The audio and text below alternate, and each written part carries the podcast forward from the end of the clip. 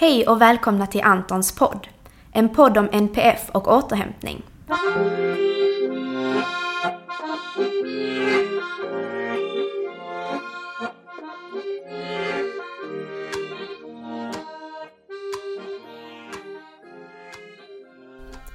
Jag heter Marie och kommer att i dessa poddavsnitt utforska olika aspekter av hur det är att leva med eller tillsammans med någon med NPF, neuropsykiatrisk funktionsnedsättning. Jag heter Josef. För tio år sedan så jobbade jag som pedagog på en särskola och fick en ny elev som hette Anton. Han lärde mig om autism och han lärde mig minst lika mycket om behovet av återhämtning. Jag lärde också känna Antons mamma, Lotta. Att leva med Anton är både fantastiskt och underbart. Men det är också utmanande. För Anton har svår autism och det påverkar hela familjen. Vi är ofta helt slutkörda och har ett stort behov av återhämtning.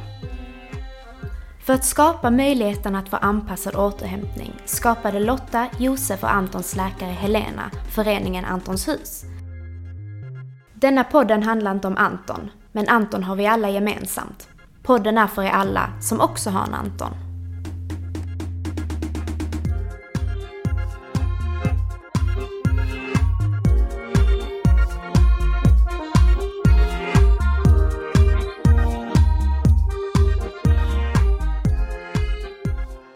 Hej och välkomna till Antons podd. Och idag ska vi prata om återhämtningskampen och hur viktigt det är med återhämtning och vila som ofta är något man glömmer bort, vilket är roten till varför återhämtningskampen skapades faktiskt. Men innan vi går in på det så vill jag presentera dagens gäster. För idag har jag nämligen med mig Lotta. Hej! Och så har jag med mig Josef. Hallå, hallå. Och ämnet vi ska diskutera idag är ju återhämtningskampen. För det är det vi ska kicka igång detta året med. En återhämtningskamp alltså. Och eh, om du inte har hört om återhämtningskampen förut så är det en digital kampanj med fokus på återhämtning och vila.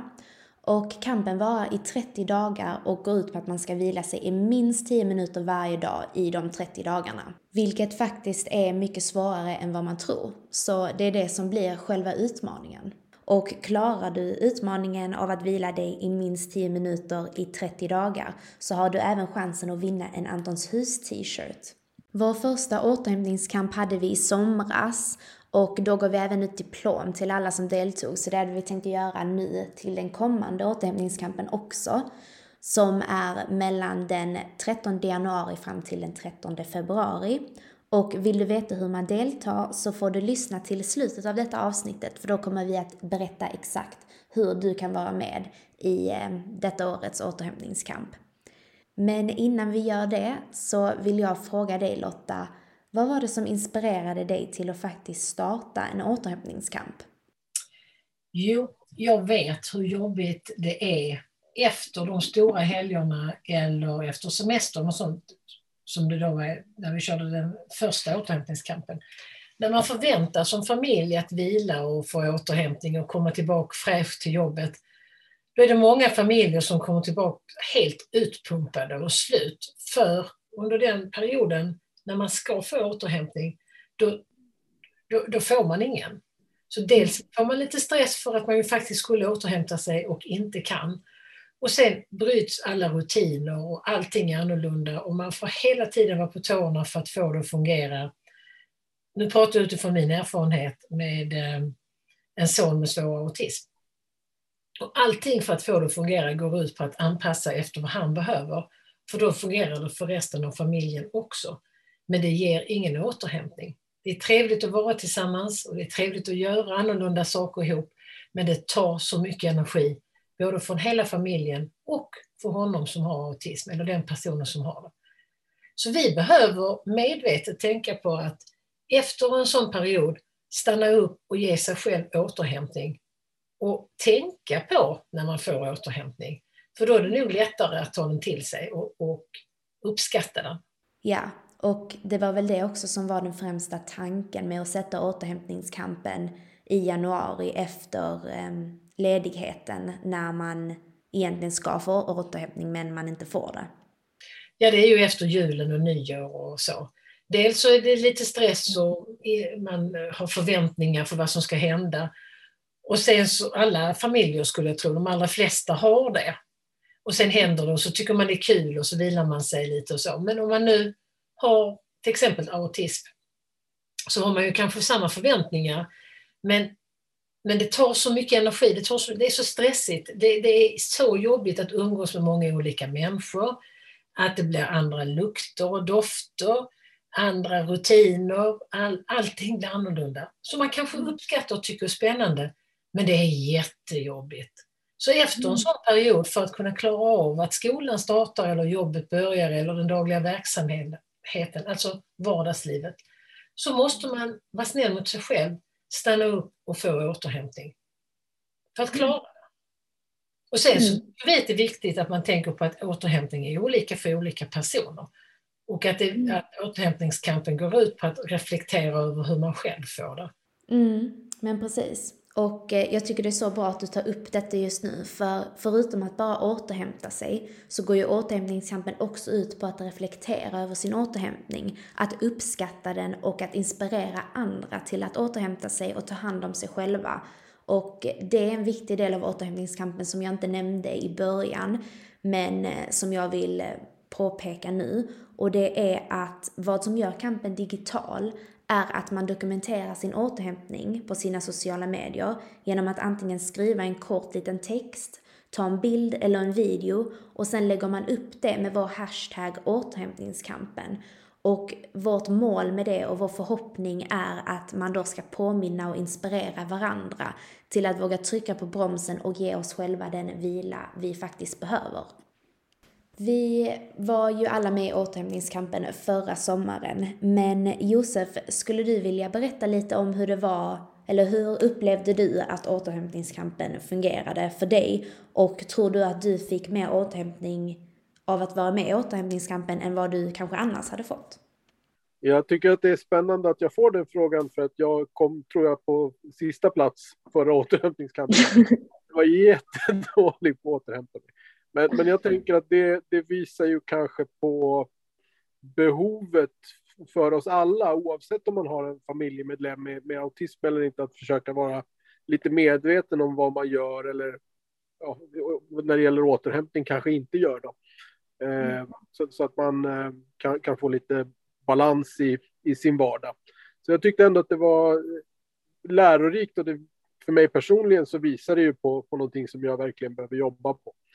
Eh, jag, mm. tog, eh, jag satte mig på trappan en gång, jag minns det här väldigt väl. Jag satte mig på trappan här utanför huset eh, i, under den förra återhämtningskampen och eh, tog en bild och sen när eh, den dök upp i min frus flöde, då skrattade hon högt och sa när, när, när, när, när sitter du egentligen på trappan? Hur ofta gör du det?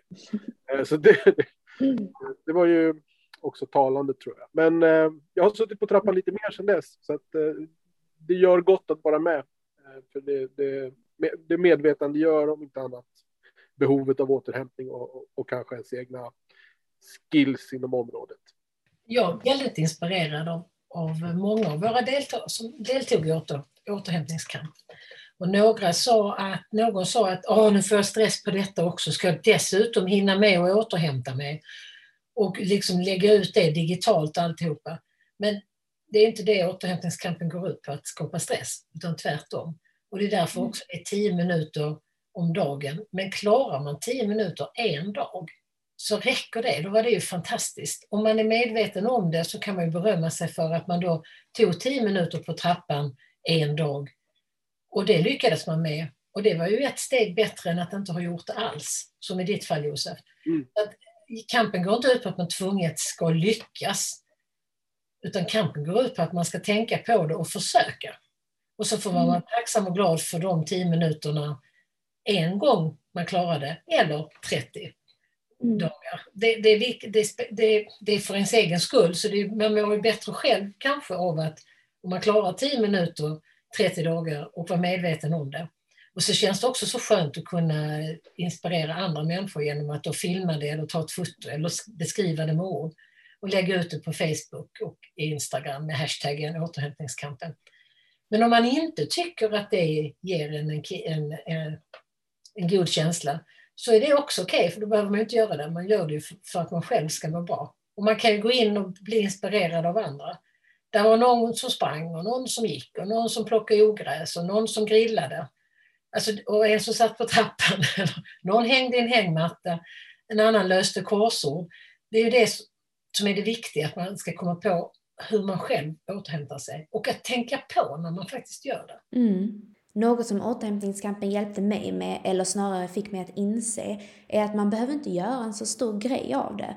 För jag tror också det är då man känner sig mer stressad av det. Om man känner att det är något man måste göra. För då tänker man liksom, åh gud, hur ska jag hinna med det? För att innan jag var med i återhämtningskampen så trodde jag att jag var dålig på att återhämta mig. Att jag inte skulle ha tid. Men eftersom att jag började reflektera över det mer så insåg jag att jag faktiskt återhämtade mig mer än vad jag trodde genom små saker som att typ ta en kaffe eller gå ut med mina hundar. Och när jag insåg det så kunde jag också njuta av det mer än vad jag annars hade gjort. Ja, det är jätteviktigt tror jag, det du säger nu. Så var det för mig också, jag brukar liksom bli lite, alltså jag bannar mig själv lite. Här sitter jag bara i soffan och tittar på Seinfeld när jag skulle haft men nu blev jag medveten om att jag har sett de här avsnitten 1753 gånger minst. Mm. Men när jag tittar på dem så är det ju min tid att få återhämtning. Och så mm. att man då uppskattar den tiden man ger sig själv och inte får samvetskval för att man inte gör något. För man gör ju faktiskt något som är jätteviktigt för ens hälsa och välmående på alla sätt. Så att förra året var vi 60 starter tror jag, så jag hoppas verkligen att det blir bortåt 100 denna gången. Och förra året var det faktiskt fem stycken som klarade äh, kampen. Alltså 10 minut, minst 10 minuter 30 dagar. Så att det är svårt, det är ingen lätt kamp. Mm. Jag klarade inte.